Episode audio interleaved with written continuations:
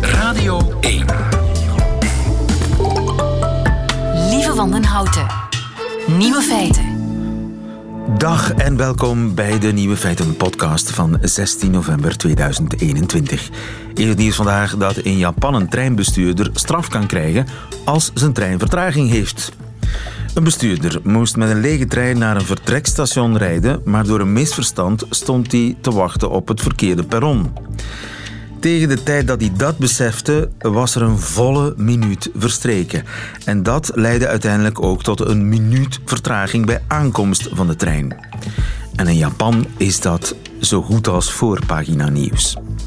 Het treinbedrijf oordeelde dat de bestuurder een minuut niet had gewerkt en hield dus 56 yen, of de 43 eurocent, van zijn loon in. Een zware sanctie waar de treinbestuurder het niet mee eens was en die stapte naar de rechter. De rechter zal nu moeten oordelen of de man alsnog recht heeft op zijn 43 cent. Zouden er al vakbonden bestaan in Japan? De andere nieuwe feiten vandaag. Twee jonge Vlaamse ondernemers die willen de wereld veroveren met ertenmelk. In de Ardennen is er een bever gekruisigd. En in Eindhoven ademen de parkeergarages. De nieuwe feiten van Jovan Castiel hoort u in haar middagjournaal. Veel plezier.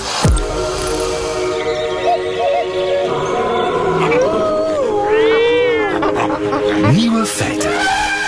In de Ardennen is er een bever gekruisigd. Niet aan een kruis genageld, maar aan een plank. En vervolgens tentoongesteld langs de Oerte in Esneu, provincie Luik. Hij is zaterdag ontdekt door Corine, die er met haar hond aan het wandelen was. Je suis allée promener mon chien comme tous les jours. À un moment donné, ma fille me dit me, Fais attention. euh, et j'ai relevé les yeux et là j'ai vu le, le pauvre castor cloué sur une planche avec un mot à côté. Et il accuse le castor de, de tout et, et de rien, on va dire.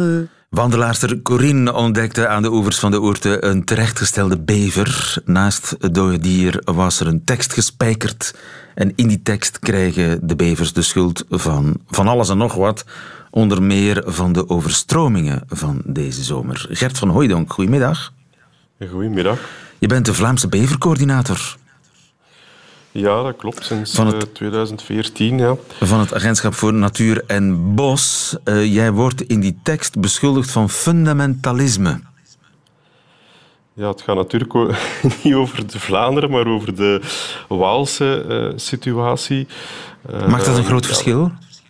Nee, ja, ik weet niet juist hoe dat de, de aanpak in Wallonië juist is. In Vlaanderen hebben wij een, een soort beschermingsprogramma voor bever, waarin dat er ook eh, heel wat afspraken gemaakt zijn met eh, de waterbeheerders eh, om ja, al te grote excessen te vermijden. Aha, dus het is niet ondenkbaar dat bevers en de beverpopulatie, ondanks hun beschermde status, ja, eh, aangepakt wordt of ingekrompen wordt.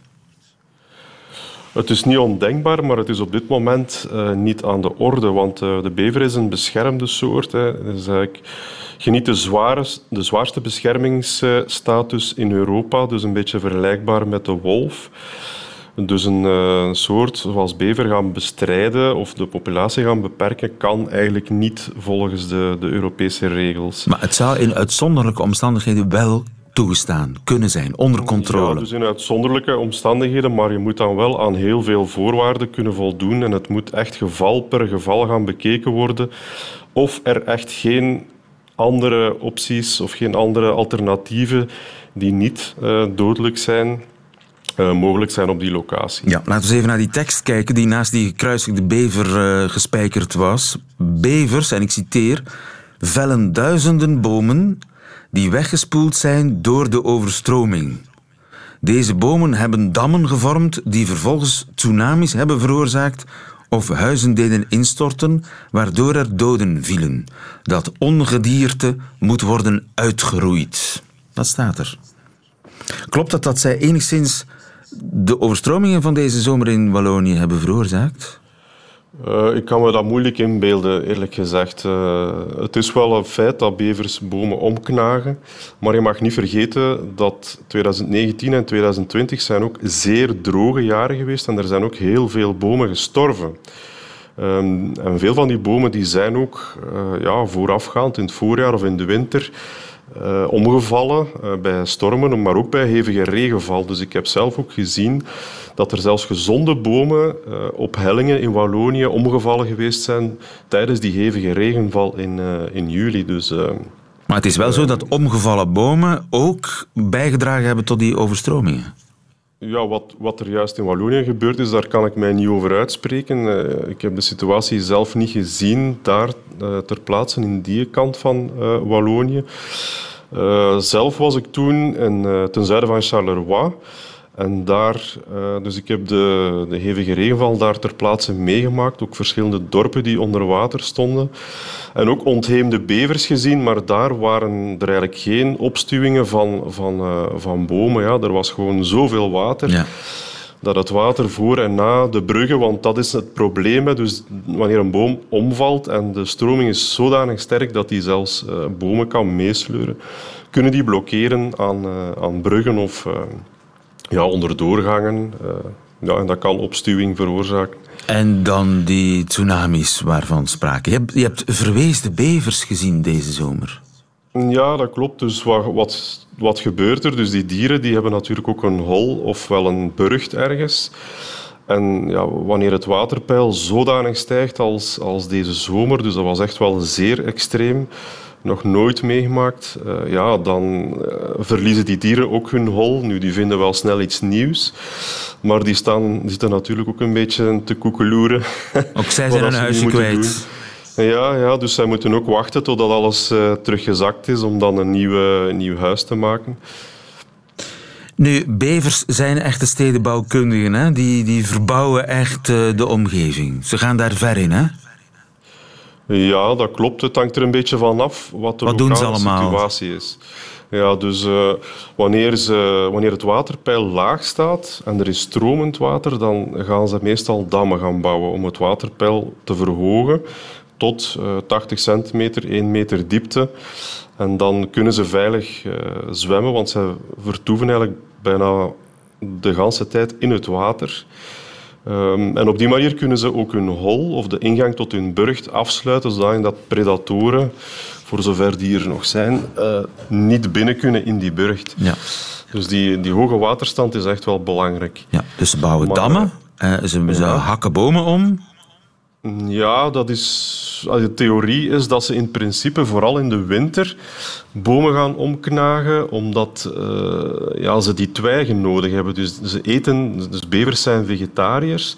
Dus doorheen het jaar, het vegetatieseizoen, eten zij vooral planten en gemakkelijk bereikbare scheuten van bomen. Maar in de winter is er veel minder voedsel aanwezig en dan durven zij al wel een keer een boom omleggen. Nu, dat is de theorie. In de praktijk uh, gaan ze, op, wat heb ik toch al gezien, dat ze ook tijdens het jaar, dus ook tijdens het vegetatieseizoen, al wel een boom durven uh, aanknagen. Ja, maar dat, dat gebeurt eigenlijk veel minder. Dat zijn eigenlijk uitzonderingen, dat ze heel de bomen vellen. Dat zijn geen uitzonderingen, ah. dat komt frequent voor. Uh, maar en is dat dan geen probleem? Ja, uh, zolang dat het... Nou, het is wel nog altijd op kleine schaal. Uh, op sommige plaatsen zitten bevers en wordt er totaal niet aan bomen geknaagd. Op andere plaatsen ja, knagen ze bijna alle bomen om die langs de, de rivier staan. Dus het is heel moeilijk te, te voorspellen. Ja. Je moet ze toch wel in de gaten houden, hè, denk ik. Ja, absoluut. Want zij kunnen wel het zijn schattige beesten, maar zij kunnen wel voor een impact zorgen. Hè. Dus, uh, nu, zij worden ook, want dat is een beetje de, de positieve kant van het verhaal, uh, zij worden ook ingeschakeld om uh, overstromingen te gaan genereren door waterbeheerders. In, in, in, verschillende landen gebeurt dat, onder andere in de Verenigde Staten, maar ook in, in Groot-Brittannië. Kunt eigenlijk inschakelen in een bepaald beleid. Nu, uh, dat kruisigen van een bever, dat is natuurlijk een barbaarse daad. Daar is denk ik weinig discussie over. Kun je begrip opbrengen voor de mensen die ja, in de bever een soort van kwaad zien? Ja, ik denk dat die mensen gewoon onvoldoende geïnformeerd zijn. Hè. Uh, en men zoekt gewoon een schuldige, een zondebok, uh, voor al het uh, leed dat daar veroorzaakt is, veronderstel ik. Ja, het is dan misschien aan de overheid om, uh, om daar beter over te informeren. Maar goed, sommige mensen zullen sowieso altijd wel een zondebok nodig hebben. Ja. Maar ik begrijp dat in Vlaanderen de beverpopulatie goed wordt eh, in de gaten gehouden. En waar dat nodig zou zijn, wordt er ingegrepen. Ja, dat klopt. Dus, uh, wij zorgen al een vijftal jaar voor een, uh, een, monitoring waarbij dat we niet alleen... Want ja, de dieren op zich kan je niet tellen, maar wel de territoria waar ze aanwezig zijn, kan je tellen. Dus die, dat wordt goed in de gaten gehouden. En ook de schade die zij veroorzaken wordt ook gemonitord. Ook bijvoorbeeld de kosten die de waterbeheerders hebben om de bever onder controle te houden. Dat zijn allemaal zaken die ons beleid een beetje aansturen. Ja, maar ze zijn er weer en dat was lange tijd niet het geval. Dus dat op zich, daar mogen we toch wel blij mee zijn. absoluut. Ja. Gert van Hooydonk van Natuur en Bos, dankjewel. Goedemiddag. Oké, graag gedaan. Nieuwe feiten. Lieven van den Houten. Erten zijn om op te eten, dacht ik altijd, lekker met uh, gebakken spekjes. Maar als het van uh, Louis en Arnaud afhangt, welkom overigens jongens, dan uh, drink ik binnenkort erten. Niet als soep, maar als melk. Ja, dat is inderdaad de bedoeling. Louis, jij gaat mij erten doen drinken. Arnaud, jullie zijn, jullie zijn eigenlijk een soort nieuwe melkboeren, melkboeren 2.0. Yes. Wat hebben jullie mee? We hebben dus uh, plantaardige melk uh, gemaakt van uh, gele splittertjes.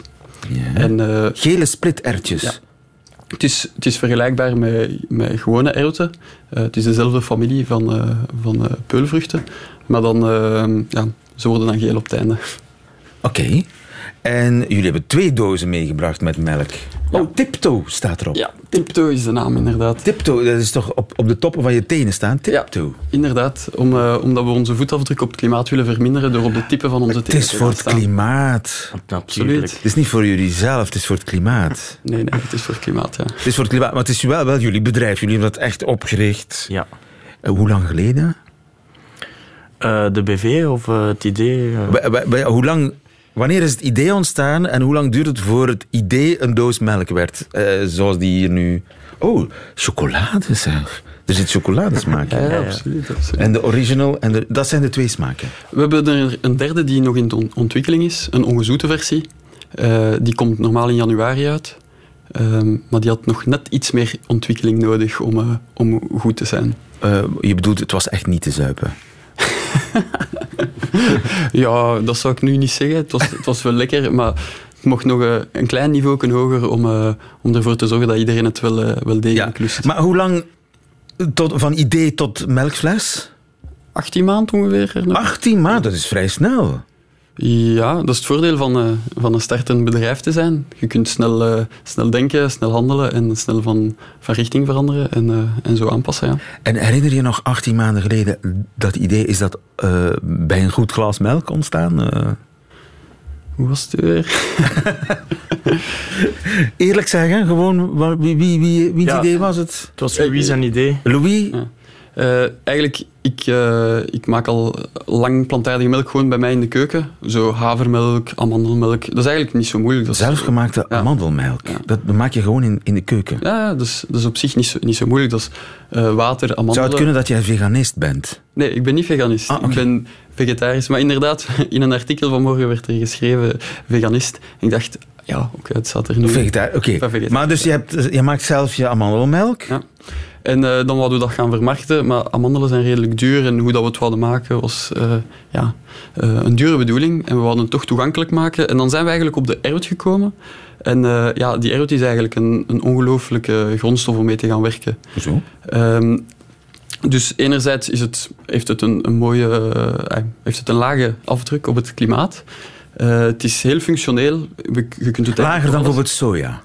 Uh, het is ongeveer hetzelfde als soja. Uh, natuurlijk, rond soja uh, heerst nu ja, wat negativiteit rond ontbossing en zo.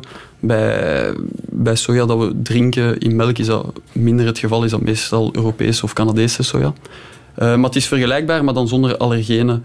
Uh, bijvoorbeeld geen noten, geen soja, geen uh, intoleranties zoals gluten en lactose. Ja. Dus dat zijn dan nog eens de extra voordelen van, van erwten. los van de voetafdruk, het is ook gezond. Ja, het is allemaal Nutri-Score A, zelf de chocoladeversie. Zelfde dus, ja. en, en hoe zit het met de voedingswaarde? Wat zit er allemaal in qua, qua suikers en, en proteïnes en... Dus de, de original, zeg maar, dat is, dat is, dat is onze, onze, hoe noemt je dat? Ja. Basis? Onze, basis, zeg maar. Die is eigenlijk qua voedingswaarde heel vergelijkbaar met melk. We hebben 3 gram ongeveer proteïne, iets meer, per 100 milliliter. 2 gram suiker, wat dan een beetje lager is dan wat dat in koemelk zit dan. Uh, we hebben er zelf wat vezels aan toegevoegd, dat zit er dan niet in melk. Uh, dus heel, heel goed. En qua vetten is het ook 2 gram, dus vergelijkbaar met halfvolle melk. Ja. ja. Maar uh, volle melk of gewone melk, koeienmelk, dat, de, de, de voetafdruk daarvan is gigantisch. Ja, dat is zo. Dus wij zijn eigenlijk momenteel aan het, aan het uh, uitzoeken welk, hoe juist, wel, hoeveel minder water, hoeveel minder land, hoeveel minder CO2 het juist is. Maar dat zijn we nu momenteel aan het bestuderen. Uh, samen met iemand van de Universiteit van Luik. Zodat we echt die, die, dat op de juiste manier kunnen, kunnen gaan okay. vertellen aan onze consumenten. hebben. Ja. En, en, jullie zijn nu een onderneming. Mm Waar wordt het gemaakt? Hebben jullie een fabriek? Wij werken samen met iemand die een fabriek heeft. En waar komen de erten vandaan? Noorden van Frankrijk, 70% zeg maar zijn, zijn Franse erwten. De rest een beetje overal uit Europa waar dat de erwten uh, te verkrijgen zijn. Maar dus redelijk dicht bij huis. Dat vonden we ook uh, ja. een mooie meerwaarde. En dus jullie werken samen met een bestaande fabriek. Die bestaande fabriek die maakt... Zuivel. Ah ja, oké. Okay. Maar die hebben uh, een jaar geleden dus een, een, plantaardige lijn eigenlijk opgestart, waar oh. dat wij nu ook... En jullie gaan de wereld veroveren. Ik maak de fles open. Zal ik beginnen met de original? Ja, dat is prima. Oké. Okay. ik ik giet het al op het toetsenbord. Oké. Okay. Het, eh, de kleur, ja, hoe zal ik zeggen? Het is een beetje, een, een beetje meer uh, ja, bruiner dan gewone melk. Ja, het is zo blanc cassé zou ik zeggen. Blanc cassé, voilà. Dat is de chique, zo kun je het ook chic zeggen. ah, hey. Het ruikt naar iets, maar verf? Oei. Nee, er is geen verf in, hè? Nee, nee dat, dat, hebben we er niet in gezet.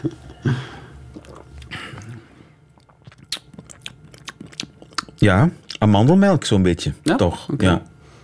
Er zit geen amandel in, dat zeker. Maar, maar ik vind het raar dat dat niet groen is. Je zou toch verwachten dat het groen is? Dat dachten wij ook eigenlijk de eerste keer toen dat we met erwten in contact kwamen. Uh, op papier zeg maar zien wat de voordelen waren van erwten. Dachten we ook van, oei, erwten klinkt wat, wat groenig en misschien niet zo lekker.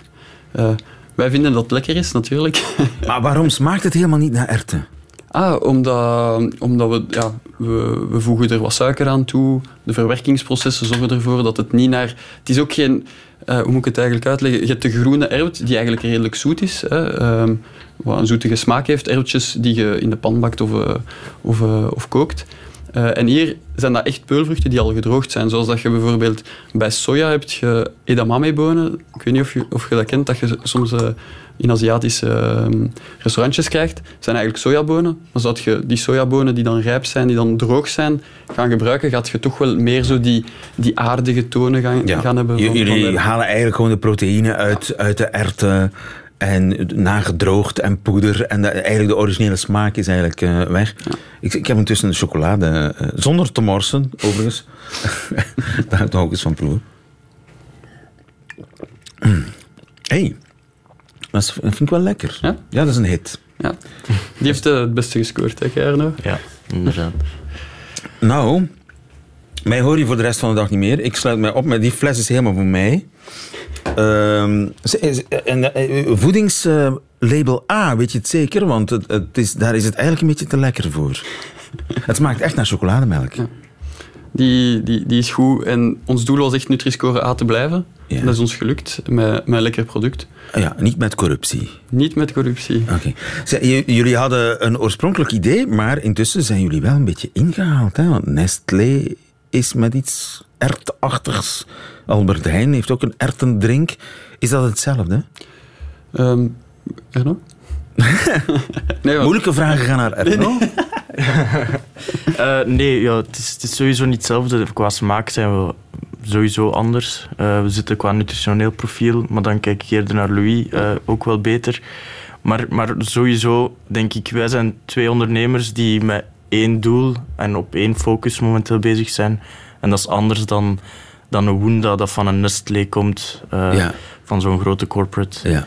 En we hebben de Albert Heijn drink geproefd en die was gewoon niet lekker. Oké, okay.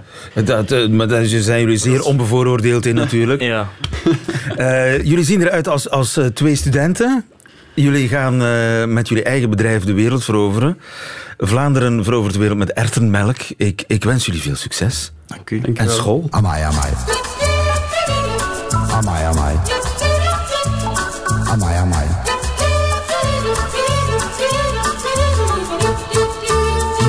Feiten. Een parkeergarage in Eindhoven is beginnen ademen. En daar zit Bert voor iets tussen. Goedemiddag, Bert.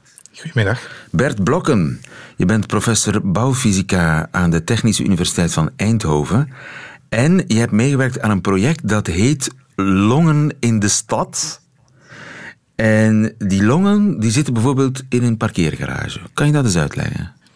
Ja, die beeldspraak die, die komt niet van ons. Hè. Ik zou het wetenschappelijk niet meteen Sorry voor de beeldspraak. Er zijn nee, geen echte longen. Zover was ik. Nee. Het zijn niet geen echte longen. Nee, maar wat zit er dan wel? Wat anders. Ja, dus wat er eigenlijk gebeurd is, is dat we in die parkeergarage um, een aantal um, apparaten hebben geplaatst. En, en, dat heet officieel elektrostatische precipitatoren. Maar eigenlijk zijn dat gewoon luchtreinigers. En um, hetzelfde als de luchtreinigers die we tegenwoordig kunnen inzetten tegen het uh, coronavirus, tegen de aerosolen. Um, maar dan opgeschaald, dus voor grote binnenruimtes. En die halen eigenlijk het fijnstof dat door de uh, auto's worden uitgestoten, uh, die halen dat uit de lucht. En er is en heel veel fijnstof in parkeergarages. Ja, omdat um, daar um, ja, rijden over het algemeen met uh, lage snelheid. Daar wordt heel veel gedraaid en gekeerd. Um, en lage snelheid betekent inderdaad relatief veel uitstoot. En lage plafonds ook, hè? Uitstoot. Ja, inderdaad. En, en, ik denk dat iedereen wel um, bekend is met de geur van een parkeergarage. Uh, dus uh, niet de, de, ruimtes waar je het goed uh, in en uit wil ademen. Dus meestal is die concentratie daar vrij hoog aan fijnstof. Ja, je bent er um, maar korte tijd natuurlijk, hè, in zo'n inderdaad, ja. parkeergarage. Maar, maar, maar zelfs dan nog, hè, dus we hebben... Ja, concentraties gemeten die tot acht keer hoger zijn dan wat de Wereldgezondheidsorganisatie als, als maximumlimiet aangeeft. Acht keer? En, ja, en de Wereldgezondheidsorganisatie zelf zegt dat hun eigen richtlijnen erg um, laks zijn. Um, dus, dus dat zijn ja, heel hoge pieken en, en de medische wetenschappen zijn ook heel veel publicaties die aangeven dat uh, kortste, kortstondige blootstelling aan hoge concentraties dat dat toch wel problematisch is voor, ja. uh, voor de gezondheid. En hoe fijn is het fijne stof dat je eruit kunt filteren? Um, ja, dat is eigenlijk het slechte nieuws van het verhaal. Dus de, de grote deeltjes die zijn makkelijker weg te halen. Maar wat we gemeten hebben is dat er vooral heel veel kleine deeltjes aanwezig zijn. En men drukt dat uit in PM10, PM2,5 en zo verder. Maar het gaat eigenlijk niet zozeer over fijnstof, maar vooral over het ultrafijne stof. En dat zijn de allerfijnste deeltjes die, wanneer je die inademt, die ook in de bloedbaan terecht kunnen komen en die um, ja, ook postmortem gevonden zijn in de hersenen van, van mensen. Dus die, die reizen als het ware je hele lichaam rond. En, en ja, dat kan natuurlijk geen goede gevolgen hebben. Hoe kleiner het stof, hoe gevaarlijker eigenlijk. Ja, ja, dus de grotere deeltjes hè, die, laten we zeggen, die, die niet afkomstig zijn van meestal van, van menselijk handelen, hè, die, die bestaan al ja, zolang als de, de wereld bestaat en het menselijk ademhalingssysteem. Menselijk uh, handelen, is dat dan een vuurtje stoken en zo? Dat is dat uh, grove ja, stof? Um, dat is, dat, dat is een, een, combinatie, maar ik denk dan vooral aan ja, verbrandingsmotoren. Ja. Over het algemeen hebben we gezien dat hoe efficiënter die verbrandingsmotor is geworden, hoe minder er wordt uitgestoten aan fijn stof. Maar wat er wordt uitgestoten zijn dan wel hele fijne deeltjes, hele kleine ah. deeltjes. En dat kun je niet vergelijken met bijvoorbeeld het, het stof van een uh, storm in de Sahara of... Uh, het zout dat uh, door eigenlijk, uh, de zee en de golven wordt in de atmosfeer gestoten. Dat zijn vrij grove, grote deeltjes.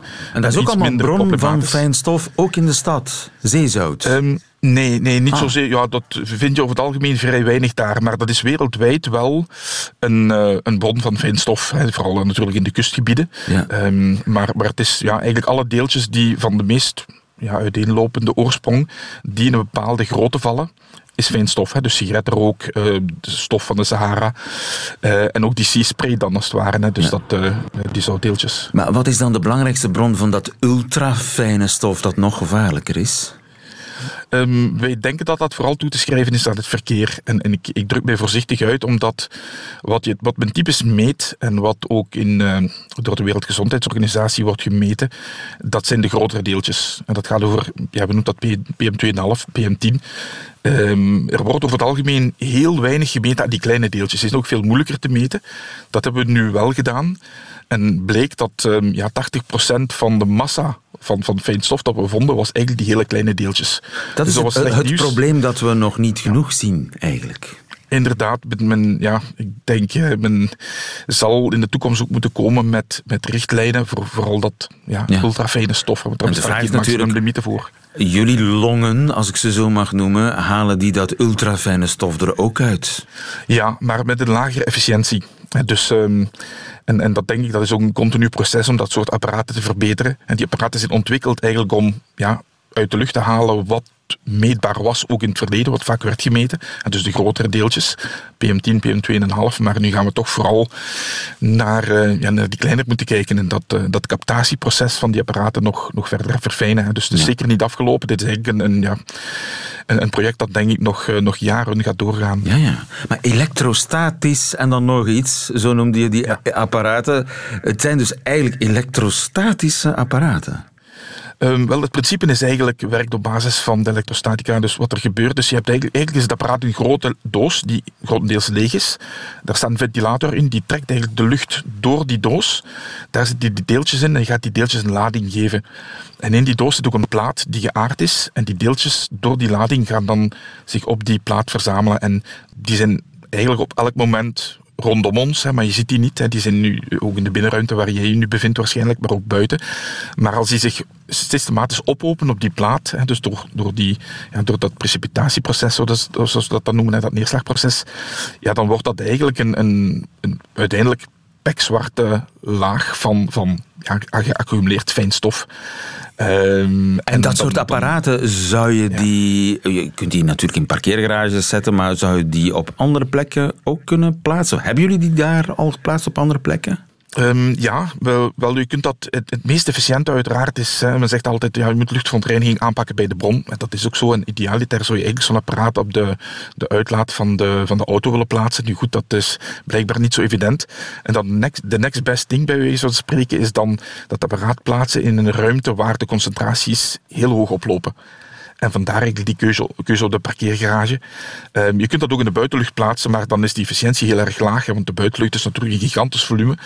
Um, en ja, die concentratie in de buitenlucht is over het algemeen een heel stuk lager dan in zo'n parkeergarage. Ja, maar bijvoorbeeld shoppingcentra, ik noem maar wat. Heeft het Ja. zin om het daar te doen? Um, ik denk dat het vooral zinvol is. Ja, die, die wordt natuurlijk ook geventileerd met buitenlucht. Um, het is vooral zin waar de concentratie heel erg hoog oploopt. En um, ja, tegenwoordig spreken we over, in het kader van de, corona, uh, van de coronacrisis, over die aerosolen. Nu, eigenlijk, ja, alle deeltjes die in de lucht zitten en die zo klein zijn dat ze blijven zweven, zijn eigenlijk aerosolen. Hè. Dus de verkeersuitstoot zijn ook aerosolen. wat wij uitademen zijn ook aerosolen. En ja, ook daar ga je eigenlijk vooral die apparaten inzetten in, ja, ik zeg maar wat, supermarkten en zo verder. Wanneer je verwacht dat die concentratie hoger wordt dan uh, in de buitenlucht. Ja, dus die machines en, moeten dringend goedkoper worden. Um, ja, wel, die, die, ik zal maar zeggen, de kleintjes hè, die je bij wijze van spreken in, um, uh, in je woonkamer kunt plaatsen of op je slaapkamer, um, die zijn niet al te duur. Dat gaat vaak over een paar honderd euro. Maar ja, een parkeergarage is natuurlijk een heel groot volume. En, en dan ja, schalen die apparaten ook wel... Uh, uh, evenredig op. En dan worden dat inderdaad wel vrij dure apparaten. Dan praat je toch over een 20.000 euro voor zo'n groot apparaat. Maar dat is dan ja, anderhalve meter lang en, en een meter hoog en zo verder. Um, maar de kleintjes die al, al ja, jaren worden gebruikt, ook door mensen die allergisch zijn bijvoorbeeld aan graspollen en dergelijke, die hebben ook vaak zo'n apparaatje op de slaapkamer staan. Ja. Om die pollen, wat dus ook fijnstof is, eigenlijk uit de lucht te halen. Maar het is de toekomst. Dat soort apparaten gaan eigenlijk overal in de stad uh, opduiken. Wel, ja, dat is, ehm, dat is nog maar de vraag. Ehm, ik denk, hè, soms tussen droom en daad staan wetten in de weg en praktische bezwaren. Ik denk dat dat hier ook geldt. Ehm, in een ideale wereld zal het zo zijn. In een ideale wereld, ja. Het is natuurlijk maar een heel kleine fractie van de investeringskosten van de nieuwe parkeergarage. maar ja, we moeten er wel rekening mee willen houden. En we hebben al heel diverse reacties gehad van parkeergarage-eigenaars. Sommigen vinden het zeer interessant en willen absoluut dat plaatsen. Anderen vrezen dat de parkeergarage een slechte reputatie zal krijgen als, tussen aanhalingstekens, vervuiler of, of vuile omgeving. maar ja, ik denk dat dat een beetje afhangt van, van de insteek van, uh, van, van de eigenaar. Duidelijk. Bert Blokken, dankjewel. Goedemiddag. Graag gedaan.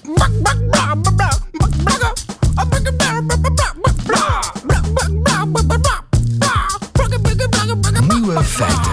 En ik heb nog een paar nieuwe feiten voor u. Eerst en vooral, gefeliciteerd, moet ik zeggen, tegen de oudste vogel ter wereld. Een 70-jarige albatros uit Amerika.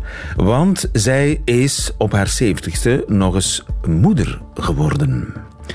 Proficiat Wisdom, want zo heet die, die oudste vogel ter wereld, die voor het eerst gespot werd in 1956 door een Amerikaanse bioloog. Dat een wilde vogel zo oud wordt is bijzonder, want de meeste dieren vallen vroeg of laat ten prooi aan een roofdier of aan ziektes. Maar Wisdom is kerngezond en heeft op haar gezegende leeftijd zelfs nog een kind gekregen. Dus samen met haar veel jongere toyboy Akea Kamai, zo heet hij waar ze al mee samen is sinds 2010. En ze hebben nu een gezonde kuiken ter wereld gebracht. Die heeft nog geen naam gekregen, maar hoe dan ook gefeliciteerd. Wisdom mag dan succesvol de wereld rondvliegen, maar een Amerikaanse piloot die doet weinig moeite om de gezegende leeftijd van de albatros te halen. Dennis Coulier, zo heet die piloot, heeft naar alle waarschijnlijkheid het wereldrecord vliegtuigcrashes op zijn naam staan. In zeven dagen is de man namelijk al zeven keer neergestort. Ik heb ooit iemand gekend die twee keer per dag, twee keer op één dag gebotst had met zijn auto. S ochtends en s avonds. Maar goed, dat is iets anders. Zeven dagen, uh, zeven crashes met zijn vliegtuig. De eerste keer toen hij wilde landen, maar zijn wielen was vergeten uit te klappen. Het gebeurt. Daarna kreeg hij nog te maken met een heleboel technische problemen, waaronder een stilvallende motor. Het gebeurt. Op dag 7 besloot Dennis nog een vlucht te wagen, maar deze keer zou hij de wielen niet ophalen. Het zou maar een korte vlucht van 25 minuten zijn. En met al die technische problemen wilde hij geen risico's nemen. Maar Dennis wist toen nog niet dat hij een noodlanding op het water zou moeten maken met uitgeklapt landingsgestel. Zorgt dat natuurlijk ervoor dat het vliegtuig verticaal met de neus eerst op het wateroppervlak klapte. Dennis zal niet meer vliegen want zijn vliegtuig ligt nu op de bodem van het meer. Het had in totaal maar 20 uur gevlogen voor het ten onder ging. En zijn uh, brevet, ik weet niet hoe het daarmee afgelopen is, maar ik denk dat dat ook nog uh, een, ja, een karige toekomst uh, beschoren is. En dan de redactie van Nieuwe Feiten, die houdt er ook aan om Aize en Darren geluk te wensen met hun huwelijk. Aize is een Britse van 26 en Darren is een Amerikaan van 24. Ze leerden elkaar kennen tijdens de pandemie en het was liefde op het eerste schermgezicht. Ondanks het tijdsverschil hingen de twee elke dag urenlang met elkaar aan de lijn. In uh, juli vorig jaar zouden de twee elkaar voor het eerst in het echt ontmoeten. Maar nieuwe coronamaatregelen staken daar een stokje voor. Dat hield Darren niet tegen om Aize ten huwelijk te vragen. Maar dat is niet blind getrouwd, maar moet ik zeggen, corona getrouwd. Intussen hebben de twee elkaar nog altijd niet offline ontmoet. Maar ze zijn dus wel al getrouwd. Wettelijk is dat geen enkel probleem. Naar verluid kunnen ze niet wachten om de liefde ook te consumeren, zoals dat heet. Maar ze hebben geduld. We hebben eeuwige trouw beloofd. Dan kunnen we wel een paar maanden wachten dat zij Aize, de vrouw, toevallig tegen een Britse krant.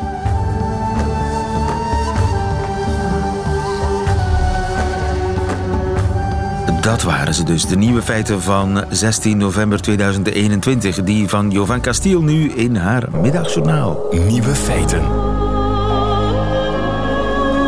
Middagjournaal. Goedemiddag. Ik probeer de laatste tijd kalmer te worden. Dat is niet gemakkelijk voor mij, want ik ben iemand wiens wereld kan instorten als de krant stopt met mijn lievelingspuzzel te publiceren. Omdat het kleinste ding een groot drama voor mij kan worden, hebben mensen mij vaak gezegd dat ik meditatie moet proberen. Maar ik heb een vreemde geschiedenis met meditatie. Toen ik negen jaar was, besliste mijn moeder op een dag dat zij een guru wilde worden. Ze begon overal wierook te branden en ze zat altijd in een hoek te mediteren. En wat erger was, ze besliste dat ik ook moest mediteren. Mijn eerste daad van rebellie als negenjarige was mijn mantra omgekeerd op te zeggen. En zo leerde ik op jonge leeftijd hoe ik een sfeer van innerlijke rust kon faken. Ik ben klaar met mijn meditatie, moeder. Nu ga ik naar buiten om te spelen. Het doel van meditatie is om je hoofd leeg te maken. Dus meditatie is perfect voor mannen. Ik kan duizend keer aan mijn man vragen: Waar denk je aan? Waar denk je aan? En zijn antwoord is altijd: Niks. Siddhartha Buddha was zo goed in niks te denken dat andere mannen staanbeelden van hem maakten. Kijk, zeiden de mannen, een religie waar wij mannen al experten in zijn. Maar voor vrouwen is het complexer. Wij vinden het niet zo gemakkelijk om te stoppen met denken. Er zit altijd te veel in ons hoofd. Ik moet het onkruid in onze tuin wieden. Oh, de film The Notebook was zo mooi. De vrouw van de klerenwinkel was kei onbeleefd tegen mij. En hoe harder ik probeer om kalm te zijn, hoe groter mijn obsessies worden. Misschien heeft de vrouw in de klerenwinkel niet gezegd dat ik dik was, maar ze was het zeker aan het denken. Maar mijn man, expert in lege hoofden, kan dat niet begrijpen. Dan kijkt hij naar mij met zijn kalme blik en probeert hij mij advies te geven. Jovanka, zegt mijn Vlaamse Boeddha, misschien moet je proberen te mediteren. Dan kan ik niks anders doen dan in een hoek te gaan zitten en mijn mantra omgekeerd opzeggen terwijl ik rustig over de verkoopster in de klerenwinkel obsedeer. Tot morgen!